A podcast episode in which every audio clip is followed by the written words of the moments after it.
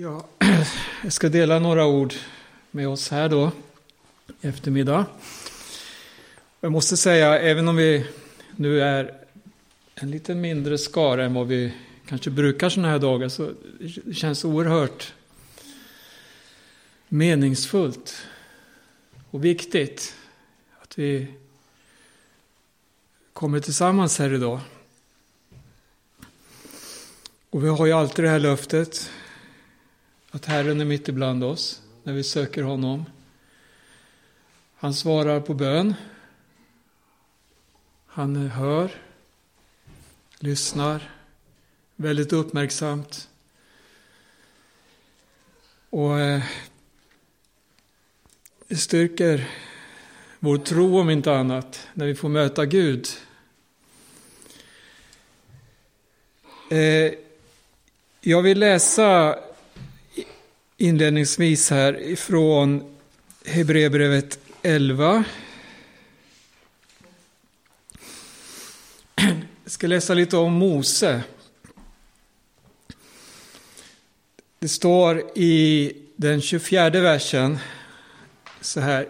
I tron vägrade Mose som vuxen att kallas faraos dotterson han valde att hellre bli förtryckt tillsammans med Guds folk än att ha en kortvarig njutning av synden. Han räknade Kristi vanära som en större rikedom än Egyptens alla skatter. För han hade blicken riktad mot lönen. Genom tron lämnade han Egypten utan att frukta kungens vrede. Han höll ut därför att han liksom såg den osynlige. I tron firade han påsken och strök blodet på dörrposterna för att fördärvaren inte skulle röra deras förstfödda. I tron gick folket genom Röda havet som på torr mark. Men när egyptierna försökte drunknade det. Det här är det vittnesbörd som eh, Hebreerbrevets författare ger oss då om Mose. Man får eh, en inblick här och en bild av hur han, eh, ja, han trodde Gud och handlade därefter. Jag har lite reflektioner här, för det står det står om honom så, så väldigt tydligt här. Han valde att bli förtryckt. Och, och det står här också att han fruktade inte kungens vrede. Eh, när, när man läser om Mose så tycker jag inte man får riktigt den här bilden. Eh, snarare tvärtom. Han, han, eh, han flydde från Egypten. Han, han flydde därifrån för att han var rädd att kungen skulle ta hans liv, att han skulle bli straffad för det han hade gjort. Och man, och man kan se olika skeenden i Mose liv att, eh, att han, han var inte alls den här eh, trons människa som vi läser om här. I varje fall inte i sina eh, egna ögon, för han sa, jag har svårt att tala. Och, och med bara tanken att han skulle återvända till Egypten, som han hade flytt ifrån, det, det, det var främmande. Och, och, och, när, när han nu står i den här situationen att Gud kallar honom, så säger han, ja men sänd vem du vill. Skicka det här budskapet med vem som helst, men inte mig. Det, det, det var, det var så Mose reagerade inför kallelsen. Men när vi läser om Mose här så ser vi att Gud, han ser på saker och ting på ett helt annat sätt än vad vi gör. Gud, han ser, alltså han har en helt annat utgångspunkt än vad vi har. Vi, vi kan se olika saker och ting och formas därifrån. Och så blir vi nedslagna. Så förlorar vi gnistan, hoppet. Vi ser hindren, vi ser problemen. Men Gud vill hjälpa oss att kunna se med trons ögon i varje situation. Mose, han, eh, han blir ju Guds redskap. Han, eh, eh, när, han, när han var i sin bästa ålder, som vi säger då, 40 år, och gick ut och skulle se till sina bröder, alltså de som var förslavade av egyptierna. Då gav han sig ut där och ville åstadkomma förändringar. Han ville rättvisa, han ville reformera eh, sitt folks situation där i Egypten. Och han tog i med, med sin kraft, eller som eh, eh Apostlagärningarna beskriver det i, i sjunde kapitlet, vers 23. Det här är ju Stefanos försvarstal när, innan han blev stenad. Det står så här, när han fyllt 40 år fick han tanken att besöka sina bröder, Israels barn. Han fick då se hur en av dem blev misshandlad och han tog honom i försvar och hämnades honom genom att slå ihjäl egyptien. Nu trodde Mose att hans bröder skulle förstå att Gud ville rädda dem genom hans hand, men det gjorde de inte. Istället, vad fick han göra? Han fick fly från Egypten. Och trots då sin position, sin kapacitet som han hade, utbildning, allt, det var inget av det som räknades. Nej, Gud arbetar inte på det sättet. Käre Gud. Sen påbörjades en lång period i Mose liv, ett ökenliv.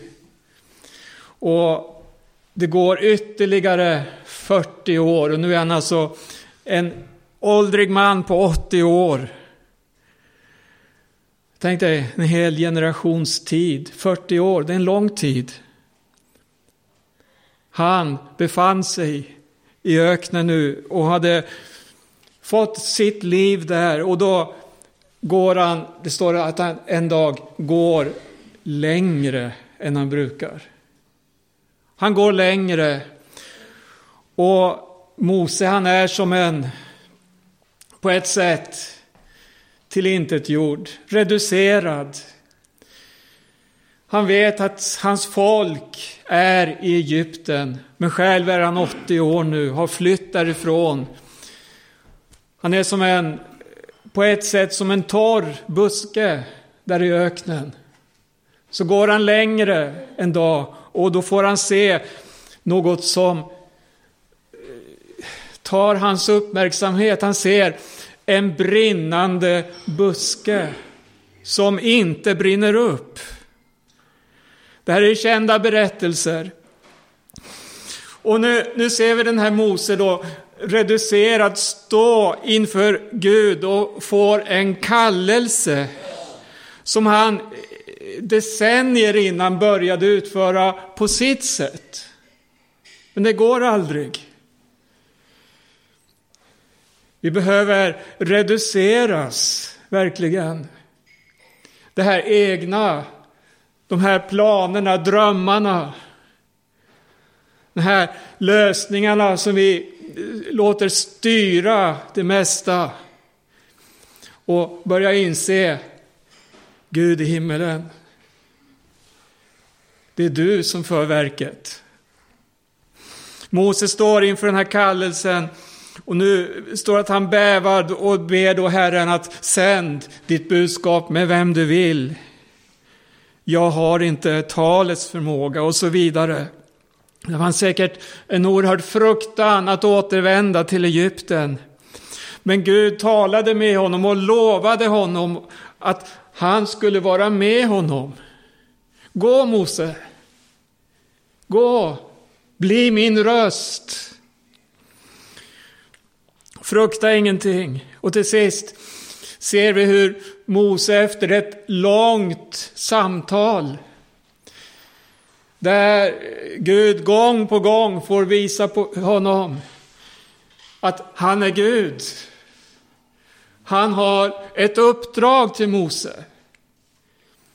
Han har en, han, Mose hade en stav i sin hand och, och Gud sa åt honom, släng den på marken. Den här staven, så var hans eh, herdeidentitet. Staven, den visade verkligen vem Mose var, där han vaktade sin svärfars får i öknen. Men nu sa Gud, släng den ifrån dig. Och den blev till en orm. Vilken upplevelse! En orm, vad representerar ormen? Jag kan tänka mig att Mose, han hade i tankarna farao som i sitt rike hade en orm också avbildad, en kobra tror jag, avbildad som en eh, symbol för sin makt. Men så sa Gud, ta ormen i skärten. Ta den. Och han fick återigen sin stav tillbaka. På ett sätt visar det Gud hade makt över farao. Gud hade makt över ondskan, över allt som äger rum. Gud hade makten. Och den här staven han nu tog, jag kan tänka mig Mose bävande inför detta. Han förstod att den här staven, det är inte längre min stav. Det är Herrens stav. Det var, det var som att här hände det något. Som fick Mose att inse det jag gjorde för 40 år sedan, det jag försökte att i egen kraft göra, det var helt fel. Men nu är det inte jag, utan det är Gud som vill befria sitt folk från slaveriet. Det var kompromisser. Aron blandades in, hans bror. Och så vidare. Men nu skulle Guds vilja ske. Han har staven och han har sin bror. Och tillsammans, när Mose väl kom tillbaka till Egypten, så samlade de Israels äldste och berättade vad Gud hade sagt. Gud hade hört ropen. Gud hade hört hur folket ropade över slaveriet, över den här bördan. Man längtade efter frihet. Och så visade Mose också folket där vad, vad Gud hade gett, alltså vilken makt han hade. De fick se undren med staven. Och man trodde på det som eh, Mose hade sagt. Kära Herre Jesus. Man förstod att det var Gud som hade sänt honom. Ja, det ser ut som att nu är vägen, den är banad. Gud är med, nu ska vi träda upp inför farao. Och så kommer man till det första mötet med farao, frimodigt med de här erfarenheterna. Men vad händer? Vad händer? När man står där inför kungen så säger han, vem är Herren? Skulle jag lyssna på honom och släppa Israel? Jag känner inte Herren och jag tänker inte släppa Israel. Och folket är redan nu många i landet. Ändå vill ni att de ska sluta med sina arbeten eller dagsverken. Nej, farao han befallde slavdrivarna och göra livet hårdare för slavarna, för Israel. De fick befallningen att nu ska ni själva skaffa halm. Nu ska ni själva få ännu mer arbete, men ni ska fortsätta att producera lika mycket varje dag. Och det blev ett tufft liv. En oerhörd motgång för Mose här. De fick till och med eh, sina egna emot sig. Käre Gud. Mose, när det står i andra Mosebok så här. 6 och 20.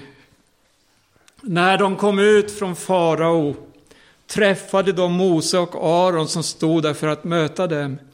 Och de sa till dem, det här var alltså deras egna, Må Herren se vad ni har gjort och döma er. Ni har fått fara och hans tjänare att avsky oss och satt svärd i deras hand så att de kan döda oss. Det här tror jag inte Mose hade räknat med. Det här motståndet från farao. Men Gud hade ju sagt. Han skulle ju befria. Och få sitt eget folk nu emot sig. Mose, måtte Gud straffa dig för vad du har gjort. Nu har vi farao emot oss. Plågan är värre, du skulle ju befria oss. Och Mose fortsätter så här, klagar inför Herren och säger, Herre, varför har du handlat så illa mot detta folk? Varför sände du mig?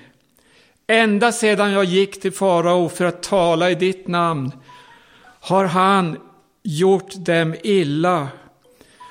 Och de har inte gjort någonting för att rädda ditt folk.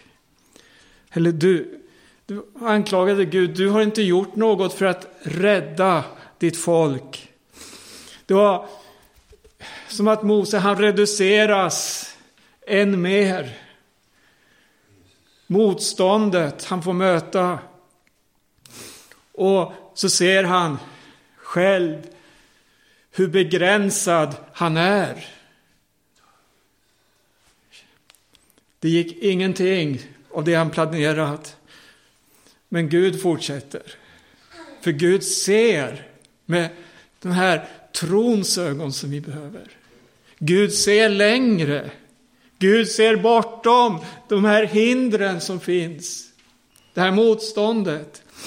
Men Herren sade till Mose, förlåt det förra var i kapitel 5, nu kapitel 6 första versen står det så här. Herren sade till Mose, nu ska du få se vad jag ska göra med farao. Min starka hand ska få honom att släppa dem. Och min starka hand ska få honom att driva ut dem ur sitt land. Och i vers 6. Säg därför till Israels barn. Jag är Herren. Jag ska föra er ut från Egyptens tvångsarbete och rädda er från deras slaveri.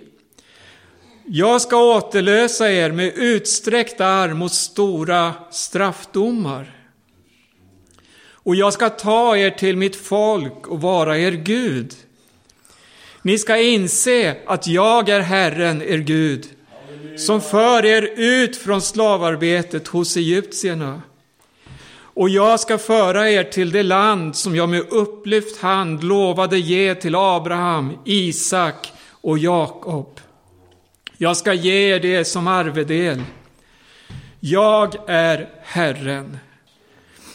Allt det här talade Mose till Israel. Det var proklamationer från Gud, det var löften från Gud. Det var visioner, det var om en framtid. Men, står det så här, de lyssnade inte på honom. på grund av sin otålighet och det hårda arbetet. En tuff situation. Allt gick emot Mose. Men Herren fortsatte, han talade till Mose. Och jag, jag tycker det här är så eh, talande. Moses tvivlade ibland, men ändå han presenteras som den som med trons ögon gick vidare. Man, man, kan ibland själv också uppleva det här, de här hindren, det här, man ser ingen väg framåt, man ser ingen utväg ur situationer. Man ser inte, vad ska nästa steg bli? Och så vidare. Men ändå, Bibeln uppmanar oss så här, lyft din blick. Se på det himmelska. Se på det Herren har i beredskap. För det är vårt mål. Det finns ett slutmål för allt vårt arbete. Och oavsett vad som sker under vägen, tappa aldrig blicken på detta mål. Se! Halleluja.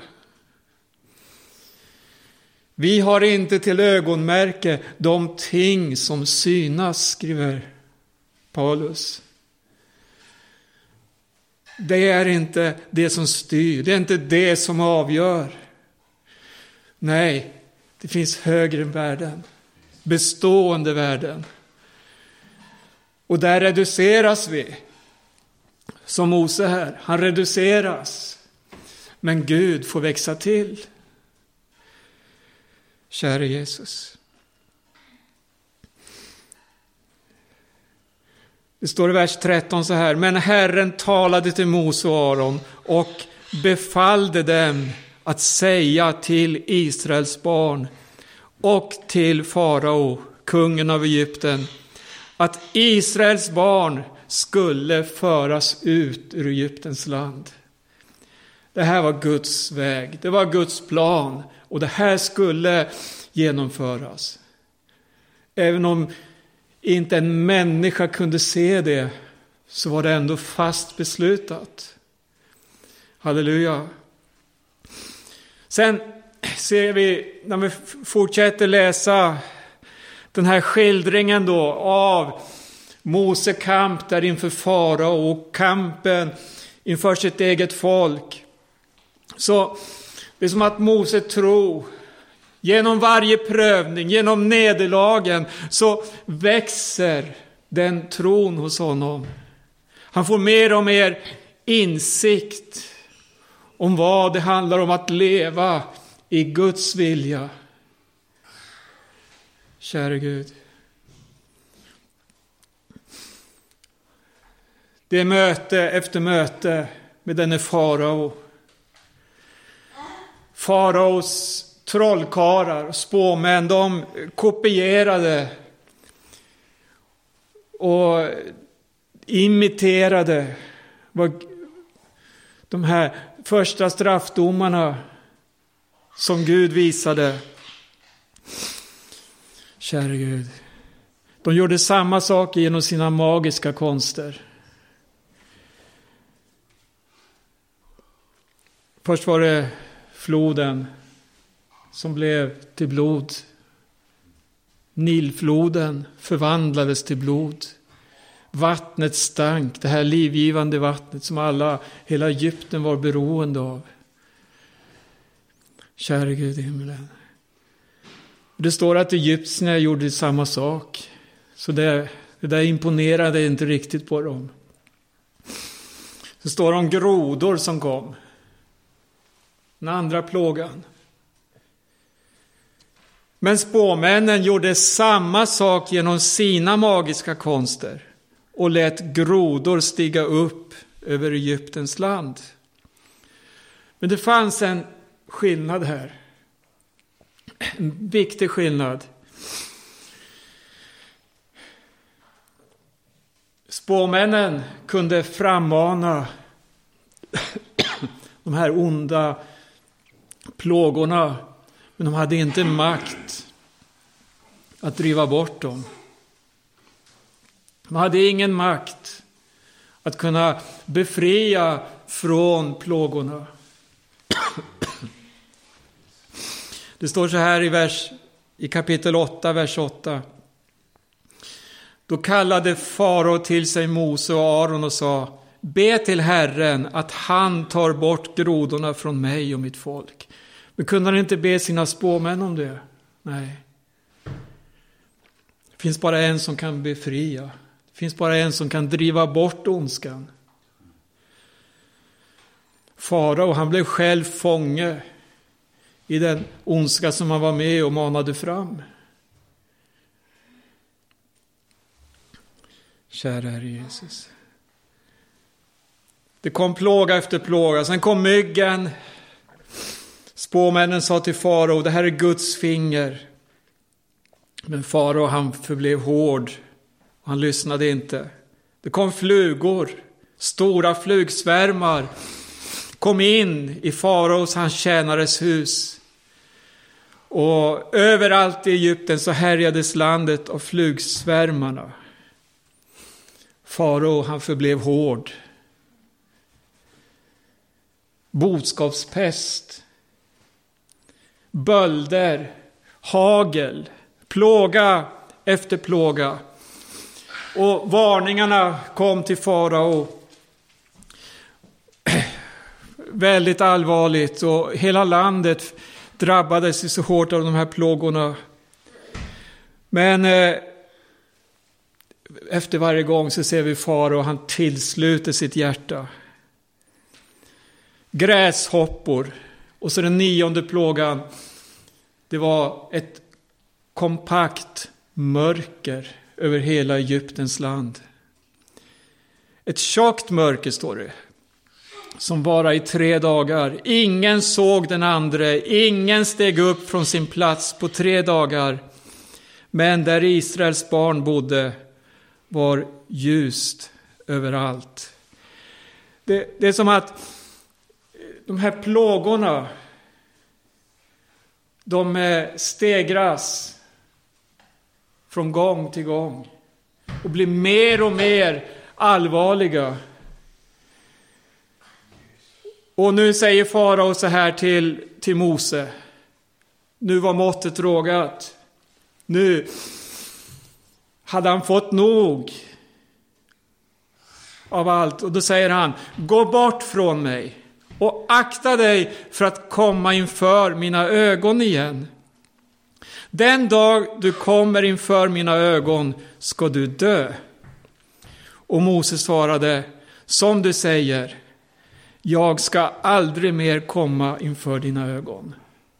Vad var nu på gång? Det var, det har, allt har nått en gräns. Och nu återstår en sak. Och det här tror jag vi kan applicera också på våra liv, det som händer nu. Vi kan applicera det på varenda människa. För att det som nu kommer att hända, det är det som avgör. Allt det här andra, det har varit plågor och det har varit gränser som har forcerats. Men nu är man framme vid en punkt då det bara finns en enda lösning. Det finns bara ett enda hopp. Och det andra leder till fördömelse. Det handlar om liv eller död. Det står så här i kapitel 11 från början. Herren sade till Mose. En plåga till ska jag sända över farao och Egypten och sedan ska han släppa er. Han ska till och med driva ut er härifrån när han släpper er. En plåga till, käre Jesus. Jag tänker på Mose. Jag tänker på allt han har genomgått. All kamp han har haft. Hur han har reducerats, reducerats. Men samtidigt som han har reducerats så har Gud i honom fått växa till. Men nu kommer, kommer de till den här punkten då alla inser att det enda som nu återstår, det enda som kan rädda oss, det är det, som följer här, det är att vi står under blodets beskydd. Det är att blodet måste finnas på dörrposten till huset där vi är. Det finns inget annat som kan rädda nu. Det står så här i vers 4, så säger Herren, vid midnatt ska jag gå fram genom Egypten. Då ska allt förstfött i Egyptens land dö. Från den förstfödde hos farao som sitter på tronen, ända till den förstfödde hos slavinnan vid handkvarnen och även allt förstfött bland boskapen. Ett högt sorgerop ska höras i hela Egypten, ett sådant som aldrig har hörts och aldrig mer kommer att höras. Det här var budskapet vid midnatt. Vi lever i midnattstid. Det är mörkt. Det är som att dödsängeln går förbi och skördar sina offer. Vad behöver vi göra? Ta fram isopen. Måla. Alltså, ta lammets blod. Liksom, det är det här blodsevangeliet, korsets budskap. Budskapet om befrielse, om räddning. Det handlade ju om att varje hus, ta en knippa isop och doppa den i blodet som är i skålen och stryk blodet på det övre dörrträet och de båda dörrposterna.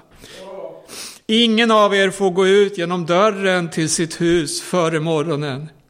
För Herren ska gå fram för att slå Egypten. Men när han ser blodet på det övre dörrträet och på de båda dörrposterna ska han gå förbi dörren och inte låta fördärvaren komma in i era hem och slå er. Kära Gud. Det fanns inte utrymme för några diskussioner mer, för förhandlingar, ingenting. Nej, allt var uppenbarat, allt var nedbrutet. Allt, allt, allt, alla plågor hade lett fram till förhärdelse och så vidare. Men nu stod man inför det här. Ska du räddas nu måste du komma in under blodet. Dörrposterna, dörrträna till huset där du bor. Hur är det? Kära Herre Jesus. Det, det är så vanligt idag med ett evangelium som är långt borta ifrån Golgata. Ett budskap som har det här humanismens kännetecken. Det ska vara vänligt, det ska vara så inkluderande, så anpassat. Så har man förlorat det mest centrala som handlar om omvändelse. Det som handlar om att vända om från synden. Att få sin synd förlåten och utplånad genom Jesu Kristi blod. Jesu Kristi, Guds sons blod, renar från vad då? Från all synd. Finns det något annat reningsmedel? Finns det någon annan väg? Finns det något vi kan göra förutom att komma till Golgata? Nej, det här är något som måste finnas med i allt vad vi gör. Budskapet om försoningen. Kära Jesus. Det var en hemsk natt det här. I kapitel 12. Vers 29. Vid midnatt slog Herren alls förstfött i Egyptens land. Från den förstfödde hos farao som satt på tronen till den förstfödde hos fången i fängelset. Han slog allt förstfött bland boskapen. Då steg farao upp på natten, liksom alla hans tjänare och alla egyptier. Och det hördes ett sorgerop i Egypten. För det fanns inte ett hem där det inte låg någon död.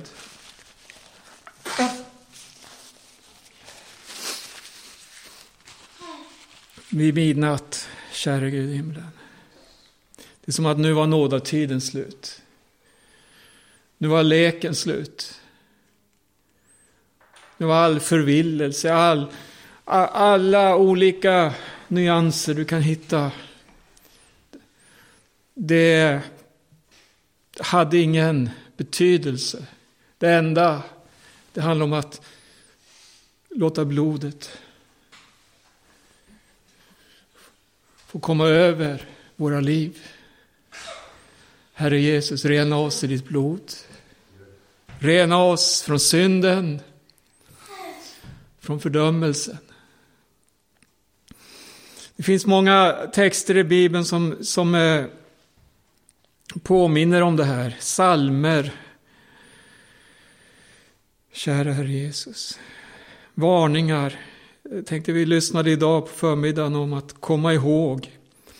I psalm 78, 42 står det så här. De kom inte ihåg hans hand. Eller dagen då han befriade dem från fienden. Då han gjorde sina tecken i Egypten och sina under på Soans mark. Han förvandlade deras floder till blod så att de inte kunde dricka ur bäckarna.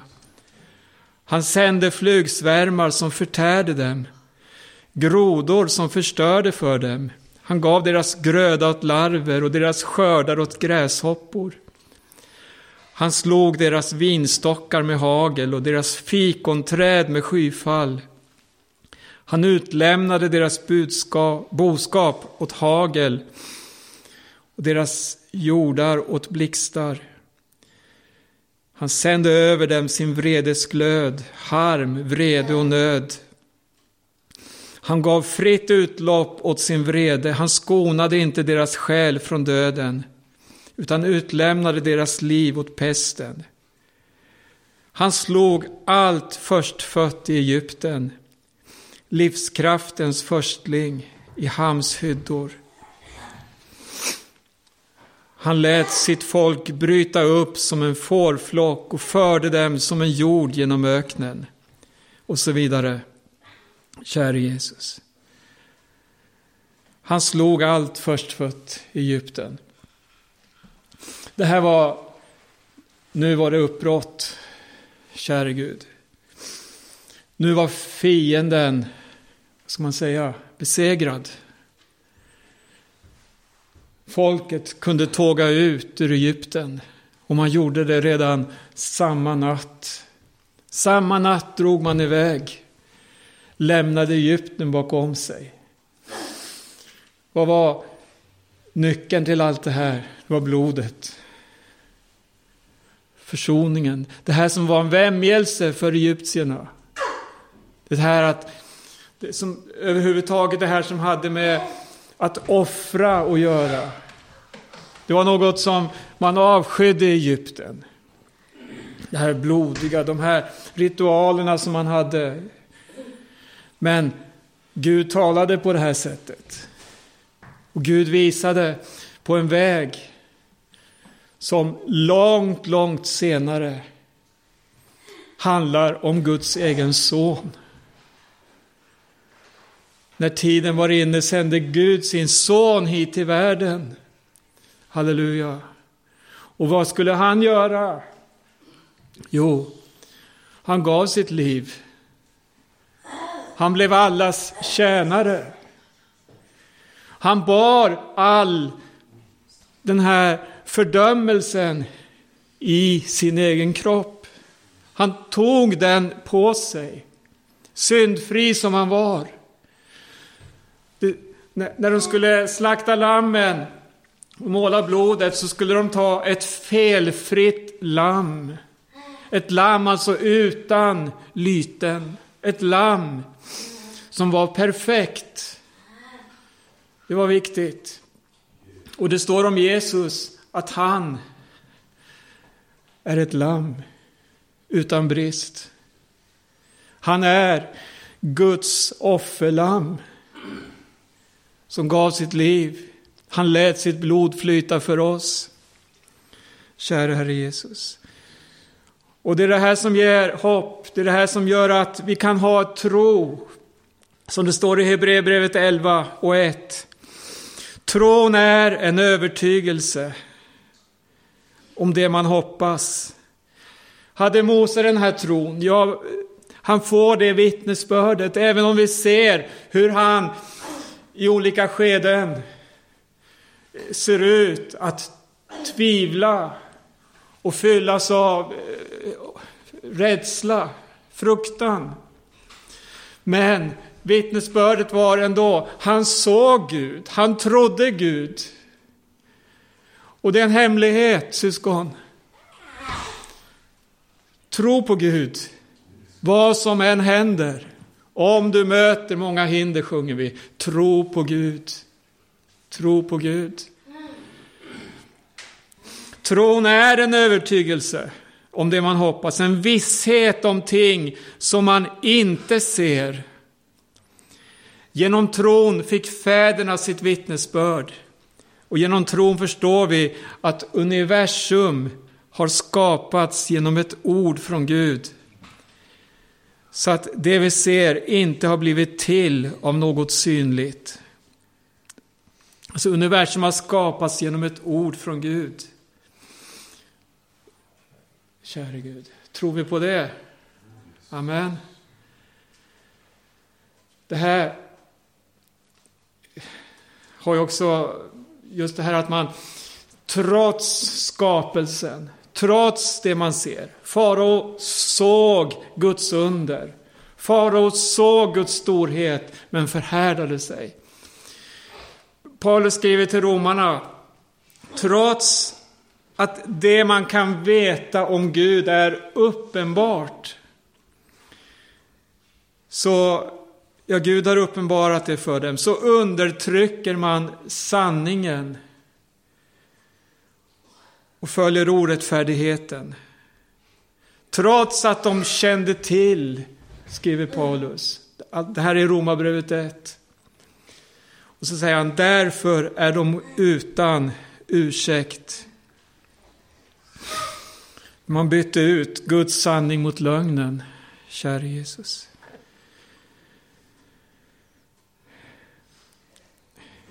Romarbrevet 1.18, det var det här, Guds vrede uppenbaras från himlen över all ogudaktighet och orättfärdighet.